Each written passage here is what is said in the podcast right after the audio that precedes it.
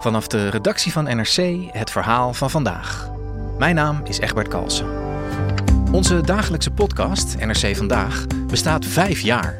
Elke werkdag praten we je in 20 minuten bij over het verhaal van de dag. En vanaf nu kun je ons ook in het weekend horen met iets nieuws. Elke zaterdag brengen we een extra bijzonder audioverhaal. Luister NRC Vandaag nu, iedere dag in je favoriete podcast-app. Een geallieerde soldaat die geen schuilplek heeft. Een jonge, bange nazi-soldaat en een vrouw uit het Franse verzet die neergeschoten piloten redt. Exact 80 jaar geleden, op die day, begon de bevrijding van Europa in Normandië. In Radio Oranje volgen we deze drie hoofdpersonages en wat zij beleefden op die ene dag. Luister de D-Day special nu via podimo.nl slash Radio Oranje en probeer Podimo 30 dagen. Welkom, dit is uw wekelijkse podcast vanaf de redactie van De Groene Amsterdammer. Ik ben Stefan Sanders, Kees van den Bos is even met vakantie.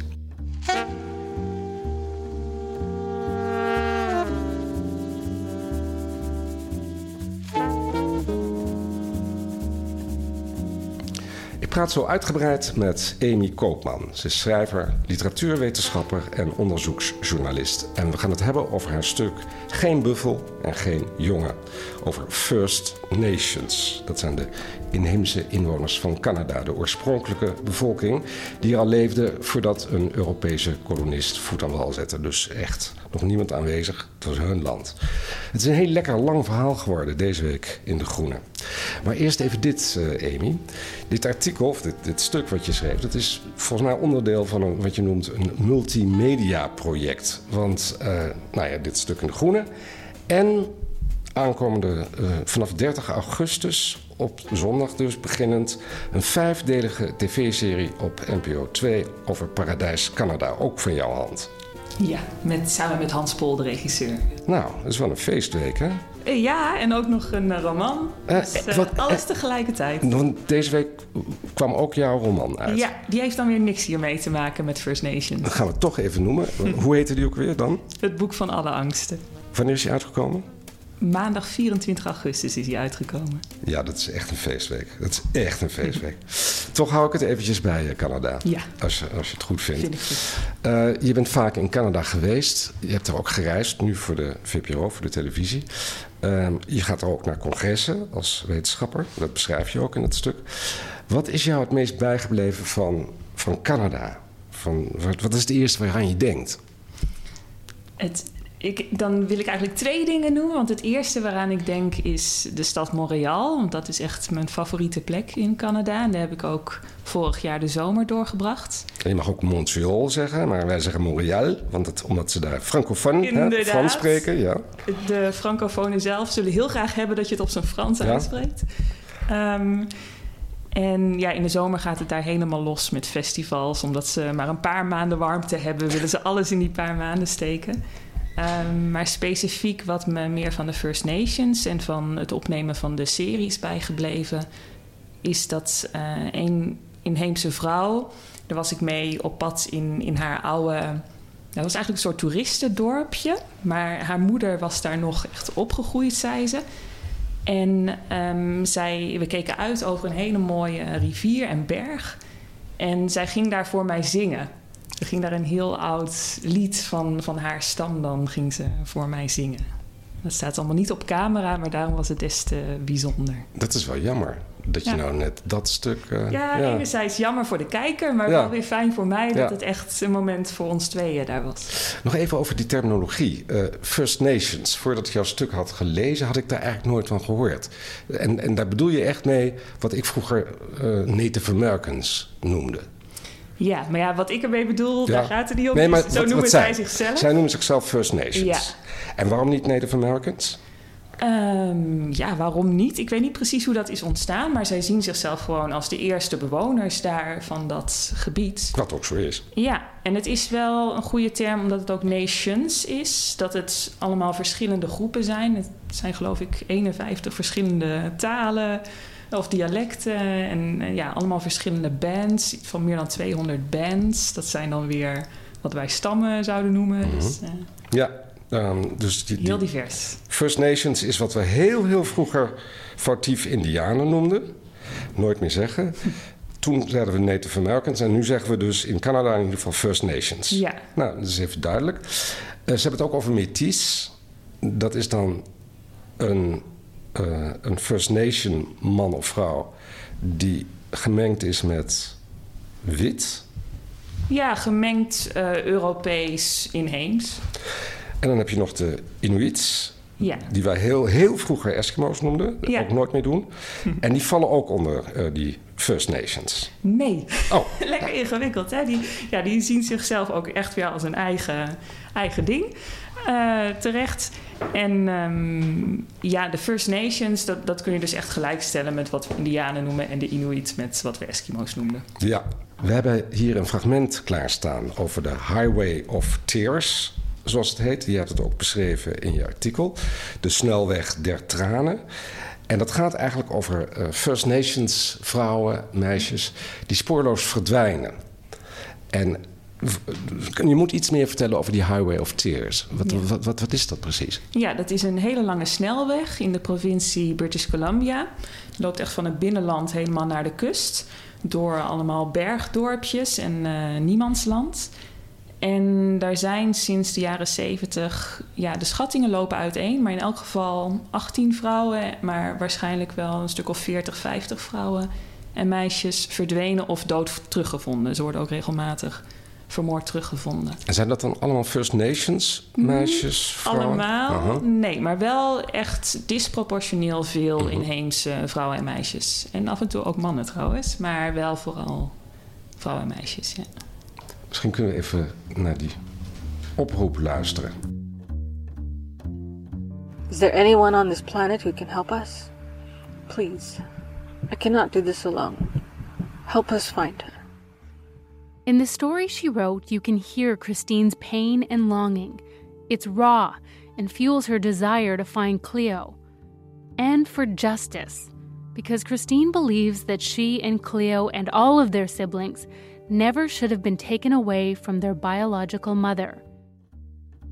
Nou, dat zit midden in het drama, hè? Ja, maar hier is volgens mij wel wat anders aan de hand. Vertel, Want wat- nou ik me herinner, ik heb alleen de eerste aflevering van Finding Clio geluisterd. Eh, Het maar is dat- documentaire, hè? En- Ja. En Clio is dan eh, een inheems jonge vrouw die verdwenen is op Ja, de highway. maar dat is niet langs de Highway of Tears, voor Ja. zover ik weet. Het is eh, in de zogenaamde 60s scoop.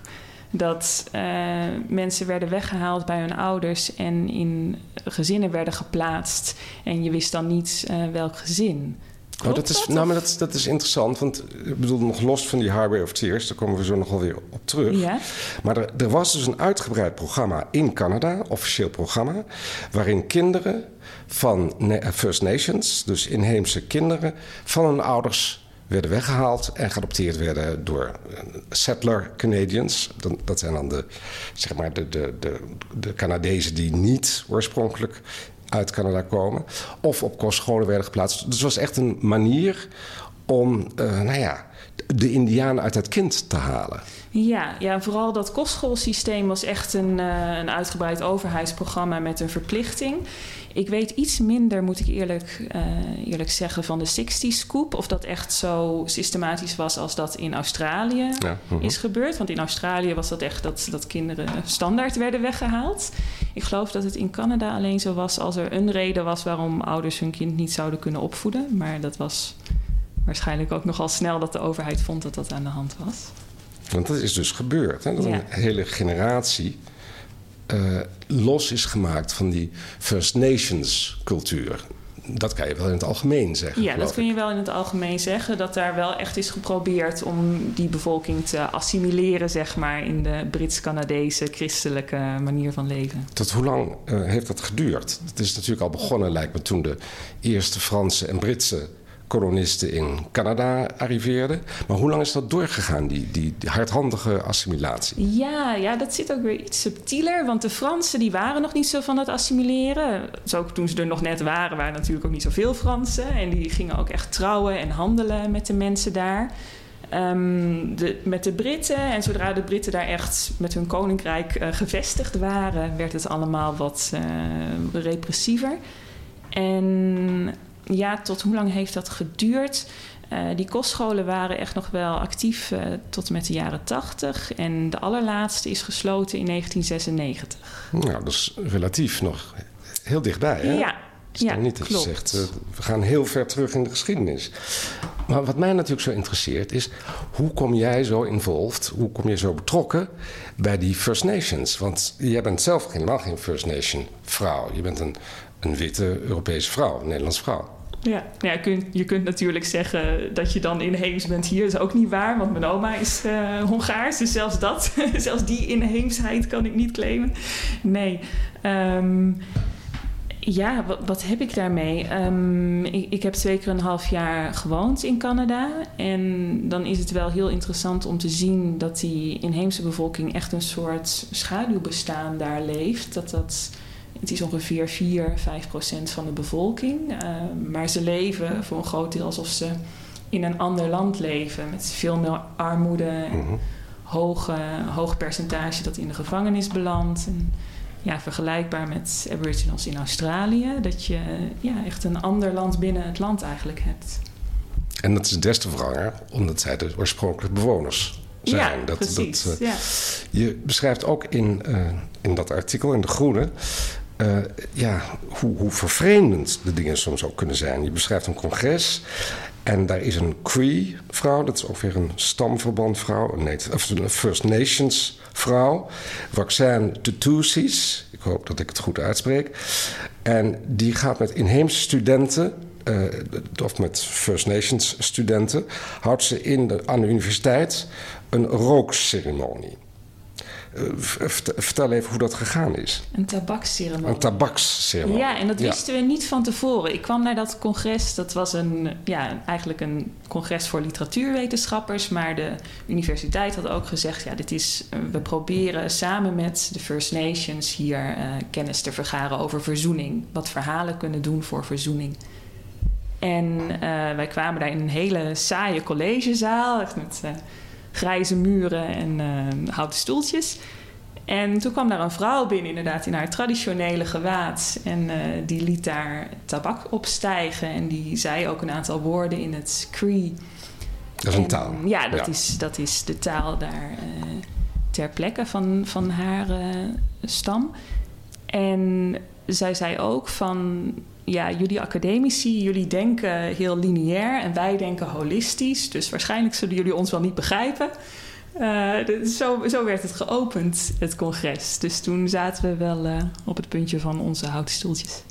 Ik moest ook gniffelen toen ik het las. Ik heb ja. zelf tijd aan Amerikaanse universiteiten lesgegeven. Tabak. Tabaksrook. Binnen aan de universiteit. Ik bedoel, ja. ze knuppelden je voor minder dood hoor, al in de jaren 90. 70 is. Ja, ja dus dat heeft ook iets heel geks. Want ik bedoel, ja. als een, zeg maar een, een, witte Canadees dat zou doen, dat zou niet goed vallen. Ja, nou was ze niet een sigaret aan het opsteken. Het was wel echt uh, ja. op, zijn, op een traditionele manier dat ze dat in haar handen hield en uh, de rook liet opstijgen.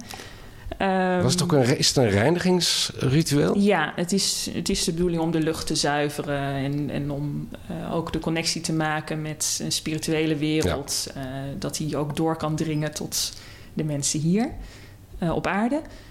Uh, dus ja, dan, dan gelden andere regels. Sowieso gelden, denk ik, vaak andere regels als iets religieus is. Dat we daar dan toch wat meer respect voor moeten hebben. Nou, dat snap ik eerlijk gezegd ook wel. Ja. Maar wat ik opvallend vond in jouw verhaal althans... is dat deze vrouw, deze Cree-vrouw... die houdt dus haar uh, tabaksceremonie. En vervolgens is ze klaar. En dan is het congres nog lang niet afgelopen. En dan gaat zij met haar uh, andere inheemse studenten... loopt ze weg. Verder is ze ook niet geïnteresseerd kennelijk in het verdere verloop van het congres? Nee, ze kwam weer terug op momenten dat daar uh, praatjes waren of uh, andere soorten presentaties van mensen die ook inheems waren. Uh, maar dus niet voor de praatjes van buitenlandse academici die daar waren uitgenodigd. Is, is, bedoel, als je denkt aan verzoening, of in ieder geval een mogelijk gesprek over verzoening tussen First Nations mensen en wat zij dan noemen settler Canadians, dus uh, migranten, Canadezen, oorspronkelijk kolonisten. als je zo'n gesprek op, over verzoening of de mogelijkheid van verzoening, als je dat als uitgangspunt neemt, dan is het toch helemaal niet goed. Als je dan zo'n tabaksceremonie hebt gehouden en je loopt gewoon meteen weer weg, dan komt er toch nooit iemand bij elkaar, wel?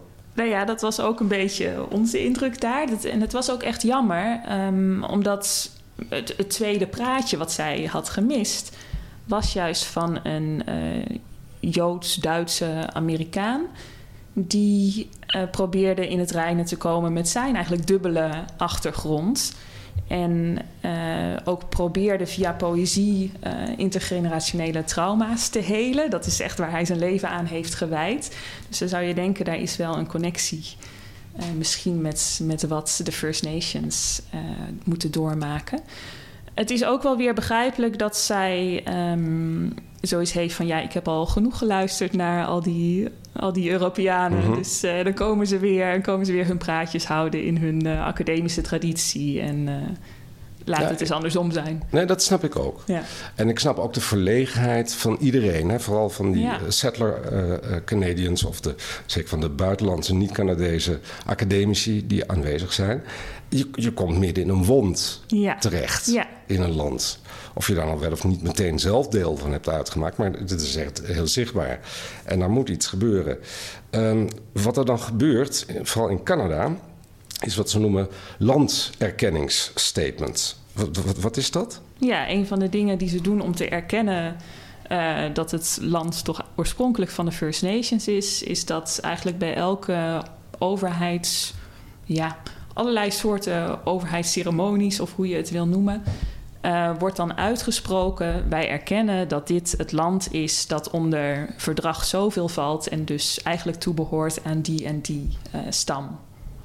Gebeurt daar dan ook praktisch iets mee? Ik bedoel, krijgt die en die stam, krijgt die dat land dan ook in bezit? uh, nou, onder, onder dat verdrag waar dat onder valt, zijn daar dan al afspraken over gemaakt ooit.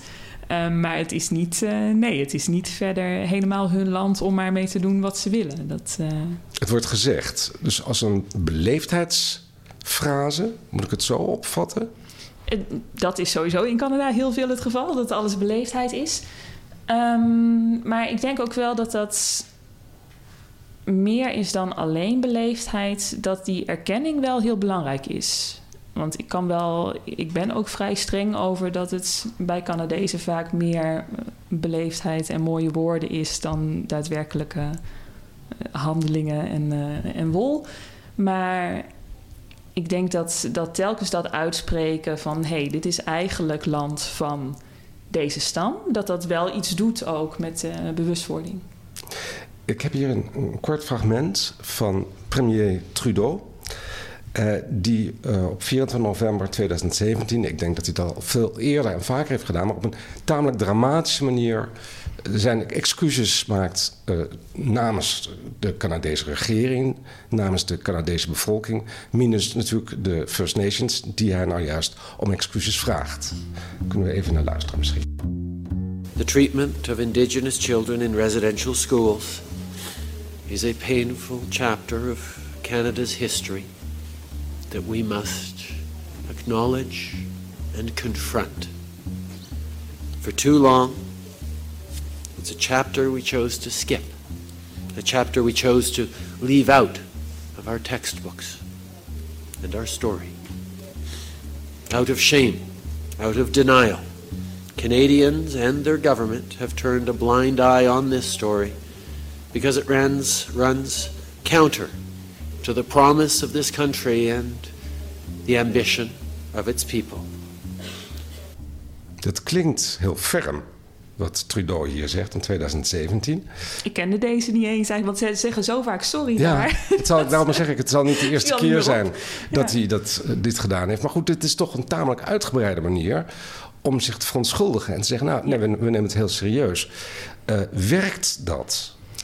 Uh, ja, wat, wat ik net een beetje zeg, er wordt zo vaak sorry gezegd door Canadezen in het algemeen en vooral ook door de overheid in deze kwestie, dat dan haal je het op een gegeven moment ook een beetje de krachten eraf. Um, ja, werkt het? het? Het werkt pas als er iets verandert in het dagelijks leven van de mensen. Denk ik. ik denk zo'n eerste, een eerste verontschuldiging is heel belangrijk symbolisch. Maar dan moet er ook iets veranderen. En in de jaren tachtig hebben er al kerken hun verontschuldigingen aangeboden. In 2008 heeft de overheid onder een andere premier al de officiële excuses heel uitgebreid aangeboden. En ja, nu is het dus dan hier in 2017 in dit fragment. En ja, vorig jaar heeft hij weer gezegd: We failed you tegen de First Nations. We will fail you no longer. En dit jaar kwam weer een evaluatie van wat er dan is gedaan sinds hij heeft gezegd: We failed you, we will fail you no longer. En zeiden mensen: Nou, er is eigenlijk niet zoveel gebeurd. Dus ja, dan, dan zijn die excuses op een gegeven moment ook niet meer zoveel waard. Ik wil even nog over die treaties, over die verdragen praten. Die eh, zeg maar in de koloniale tijd zijn gesloten. Zowel door de Britten als de Fransen, maar vooral door de Britten. Met de First Nations mensen. Het deed mij eigenlijk denken aan een hele brede koloniale geschiedenis. Lopend van uh, de, de, Nederlandse bemoeienis in Zuid-Afrika, in de, in de Kaapkolonie. Met de Khoikhoi en de San. Maar ook eigenlijk de hele Amerikaanse en ook de Latijns-Amerikaanse koloniale geschiedenis. Heel vaak, zeker met, met inheemse volken, zoals hier bij de First Nations of bij de Khoikhoi en San in Zuid-Afrika, werden er dan wel verdragen gesloten. Maar bijvoorbeeld de Khoikhoi en de San en misschien ook de First Nations hebben helemaal geen concept van een verdrag. Althans niet het legalistische concept wat heel veel Europese kolonisten hadden. Is dat ook hier in Canada zo het geval geweest? Ja, zeker. Ja, wat, wat mij verteld werd uh, op dat congres ook door een meneer die Métis was, dus half uh, inheems, half ander, andere afkomst, Europese afkomst. Uh, die liet een munt zien die de Britten dan gaven. Waarop dan aan de ene kant staat iemand van de First Nations en aan de andere kant een, een Brit. Twee mannen die elkaar een hand geven. En hij zei, ja, voor First Nations is dit een familieband dat je elkaar de hand geeft. Het, dat is, nou gaan we samenwerken. Terwijl voor de Britten was dit gewoon: oké, okay, we hebben nou een afspraak gemaakt dat wij jullie land voor dit en dat en dat gebruiken. Dus, Deal. Ja. ja. het is echt, uh, ja, hoe noem je dat, een information uh, imbalance ook. Van degene die het verhaal bepaalt, van of die de regels bepaalt, die, uh, die dominant is, die beslist eigenlijk wat daar is gebeurd. Terwijl die ander dat verhaal helemaal niet deelt.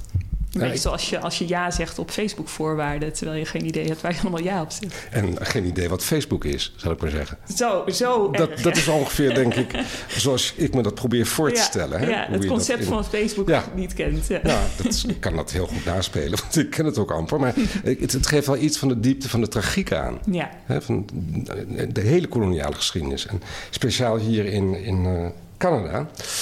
Um, je hebt het ook over, uh, dat wil ik toch gezegd hebben. Dat, nou, er is heel veel geweld tegen uh, First Nations mensen geweest, tegen vrouwen, tegen kinderen. Um, je hebt het al gehad over die gedwongen adopties, de kostscholen. Maar er is ook heel veel geweld, uh, lees ik in jouw artikel, tegen, en dat is best een ingewikkelde formule die ik nu ga uitspreken. Two-spirit, lesbian, gay, bisexual, transgender, queer, questioning, intersex and asexual. Oftewel, 2SLGBTQQIA. Ja. Ja, dat is echt een mondvol. Dat is een mondvol, ja. Ja, um, wat, wat, wat, wat, wat wordt hiermee gezegd? Um, ik ben hier misschien wat kritisch over, omdat ik niet in Canada leef en omdat we hier, ja, je zou kunnen zeggen, nog niet zo ver in zijn of uh, anders in staan. Uh, maar de, er is daar een behoorlijk sterke lobby voor trans en queer en dus andere uh, gender en seksuele identiteiten. En die heeft dat rapport behoorlijk beïnvloed. En nou klink ik als een superrechtse Canadees als ik, als ik dit zeg. Um, en dat wil je niet? Nou, dat, dat, dat is lastig. Want ik weet het niet in hoeverre dit echt zo het geval is. Maar toen wij daar waren, in echt een dorpje aan die Highway of Tears... waar mensen verdwijnen... Uh, toen viel het mij op dat ja, vooral meisjes en vrouwen verdwijnen daar en worden daar vermoord. Um, maar we zagen ook twee mannen die waren verdwenen. Toen dacht ik, ja, zijn dat dan. Waren dat dan. Het waren geen transmannen zo te zien, of transvrouwen dan. Uh, waren zij queer of asexual of gay? Je weet het niet, maar statistisch, puur statistisch, als je kijkt naar hoeveel mannen er ook zijn verdwenen en vermoord, Uh, dan denk je dat zijn niet alleen maar mannen die uh, een niet-normatieve uh, gender of seksuele identiteit hebben. Nou, wat ik mooi vind en bijzonder vind, is dat je die two spirits hebt. Wat ja. natuurlijk echt binnen die Native Americans of First Nations wel een spirituele traditie is, die heel erg oud is. Two-spirited. dus dat je ja. een soort shamaanachtige functie, waarin je uh, seksualiteit ook heel fluide kan zijn. Zeg ik het zo goed? Ja, ik vind dat ook heel mooi. Het is wel het. Ja,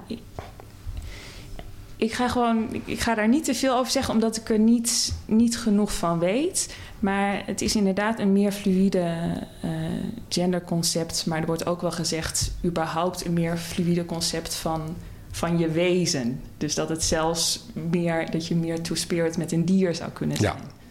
Nou ja, dat komt natuurlijk in heel veel spirituele ja. tradities voor. Dus ja. ik kan me dat heel goed voorstellen. En dat is natuurlijk een aanvulling op al die grote uh, nou, al die LHBTQ-dingen die we ook kennen in Nederland. Alleen, het is natuurlijk wel een heel ander concept. Het is een heel ander concept, ja. gaat werken met two spirits. Ja. En dat um, maakt natuurlijk het gesprek heel moeilijk. Ja. Want je kan je ook voorstellen dat de transgenderbeweging in Canada... een heel ander belang heeft dan de mensen die nou precies two spirits willen zijn. Dus helemaal niet een transgender man of vrouw willen worden... maar die die two spirits in ere willen houden. Ja. Ja, dat wederom lastige discussie om er zo als buitenstaander uh, in te mengen. Maar ja, wat mij opviel was, uh, er is een rapport verschenen over de Highway of Tears en uh, over de, de verdwenen, alle verdwenen en vermoorde mensen. En daarin worden ook 231 aanbevelingen gedaan. En een van die aanbevelingen is ook dat de wachtlijsten voor geslachtsveranderende operaties korter moeten zijn.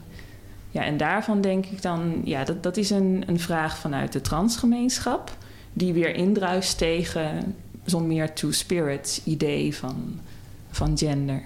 Dus daar, ja, daar, daar zijn dan gekke dingen gaande waarvan ik me dan ook heel goed kan voorstellen dat dus die rechtse Canadees denkt van ja, wat is hier met mijn, met mijn belastinggeld gebeurd in dit, uh, ja, in dit rapport. Maar je kan je ook voorstellen, en dat vind ik eigenlijk ook heel logisch, dat die First Nations, dat, dat ook heel verschillende mensen zijn met verschillende ja, belangen. Ja, er zijn precies. mensen die werken in die olieindustrie en die willen dus wel degelijk dat er doorgewerkt kan worden en dat er pijpleidingen worden aangelegd. Er zijn ook heel veel uh, First Nations mensen die zeggen nee, dit is ons land. Dat willen we niet. Het is natuurlijk niet één groep. Althans, niet met één belang. Nee, nee, er zijn trans First Nations en er zijn Two-Spirit First Nations. En die hebben ook weer, denken ook weer anders over dingen. En mensen die er nog nooit van hebben gehoord. Dus, uh, en inderdaad, er zijn First Nations die behoorlijk uh, luidruchtig in de media ook komen, die tegen pijpleidingen protesteren die de olie door hun land transporteren. Nou, de, daar hebben wij echt een beeld van. Ja, natuurlijk willen die niet dat hun land wordt vervuild. En dan heb je dus behoorlijk ook wat First Nations die daar zelf in werken in die olieindustrie. Ja, die hebben wel baat bij zo'n pijpleiding. Heel veel stammen hebben ook getekend dat het wel door hun land vervoerd mag worden. Soms met behoorlijke druk van de olieindustrie. Dat snap ik ook. Regelmatig met behoorlijke druk van de olieindustrie. Maar ja, er zijn verschillende. Het is een hele uiteenlopende gemeenschap. Um, nou heb ik dat allemaal gelezen en gezien. Uh, en eigenlijk vind ik het toch ook heel hoopvol dat je merkt dat uh, First Nations dat dat niet één stamverband is. Dat dat ja. net zulke verschillende mensen zijn als alle uh, witte Canadezen of, of alle bruine en zwarte Canadezen. Kortom, dat dat een heel spectrum aan politieke keuzes is. Ja, het maakt je emancipatie wel lastiger. Ja, waarom zeg je lastiger? Ja, je wil natuurlijk het liefst met één stem spreken als jij bepaalde emancipatoire doeleinden hebt. Amy Koopman, uh, toch nog een, een, prangende vraag. Ik zei al, wat een prachtige titel, dat zei ik in het begin. Geen jongen en geen buffel. Dat is de zogenaamde legende van de buffeljongen. Moet je even uitleggen hoe dat zit? Ja, ja, die titel komt inderdaad van een legende. Uh, die mij toen ik op het congres was, is verteld door een man die zelf van gemengde afkomst is. Dus deels Europees, deels inheems. En die ging met ons op een rivierwandeling. Een wandeling langs de rivier daar. En dan ging hij alles aanwijzen. En dan ging hij ook, uh, hij, hij wees een rots aan. En hij zei, die, die rots is daar zo gekomen. Uh, omdat er was ooit een jongen en die, uh, die was met zijn familie op pad. met zijn inheemse familie. En die uh, bleef toen achterop, hij raakte achterop. En zijn familie kon hem niet meer terugvinden. En hij is toen opgevoed door buffels. Het was een, een mens? Het, was, was een, mens. First Nation mens, ja, ja. Ja, en hij is opgevoed door buffels. Um, maar voelde zich nooit echt thuis bij die buffels. Nou ja, ik zal het verhaal een beetje beknopt vertellen. Hij probeert op een gegeven moment weer terug te gaan naar de mensen. Dat werkt ook niet. Dan gaat hij weer terug naar de buffels. En de buffelvader die heeft kennelijk magische krachten, want die zegt hem: Nou ja, uh, ik zie dat je niet helemaal uh, mens en niet helemaal buffel voelt. Als je nou omrolt, dan word je helemaal uh, buffel. Maar als je twee keer omrolt, dan word je een steen. Een steen? Ja. En nou ja, oké, hij rolt zich één keer om, dan wordt hij buffel, maar hij wordt buffel van de buitenkant. Maar hij is nog steeds niet helemaal buffel. Dus dan, omdat hij toch niet helemaal buffel kan worden, rolt hij zich toch nog een keer om. En dan is hij de steen. Dank je. Dank je, Emily Koopman, voor je toelichting op het verhaal over First Nations in Canada. Uh, het is deze week valt het dus te lezen in De Groene. Uh, nou, dat boek hebben we al genoemd. Het nieuwe boek van jou, het boek van Ange Angsten, is uit. Je bent echt aan slag deze maand. Verder ga ik nog even vertellen wat er deze week in De Groene te lezen is. Een reportage over en uit het Nederlandse bos. Ik geloof vooral uit het Nederlandse bos. Waar het bedrijfsmatige beleid van Staatsbosbeheer met grootschalige bosbouw en toerisme voor een ware vernietiging zorgt. En een reconstructie van Job de Vrieze van de eerste golf in de coronapanepidemie. Een nieuwe strategie is nu nodig, is de conclusie. Het vertrouwen in het beleid is langzaam maar zeker afgebrokkeld. En de waarschuwingen van Rutte klinken als een grijs gedraaide plaat. Nou, dat voelen we allemaal een klein beetje wel zo. Kunt u allemaal lezen? Met een abonnement of een proefabonnement ga dan naar groene.nl. Daar leest u hoe u drie maanden de groene kunt krijgen voor 30 euro. Ik voel me wel echt een adverteerder nu ik dit allemaal zo vertel. U kunt reageren via de mail. Ons adres is podcast.groene.nl. U kunt ook sterren geven in uw podcast-app als u die heeft, of een korte recensie. We houden van weerwoord. Volgende week zijn we er weer met analyses en achtergronden bij het nieuws in deze podcast van de, de Groene Amsterdammer. En deze week werd de podcast gemaakt door Anda Silva, Stefan Sanders en de techniek was in handen van Merel Borst. En de muziek van de begin- en eindtune is A Name for N van Paul van Kemenade.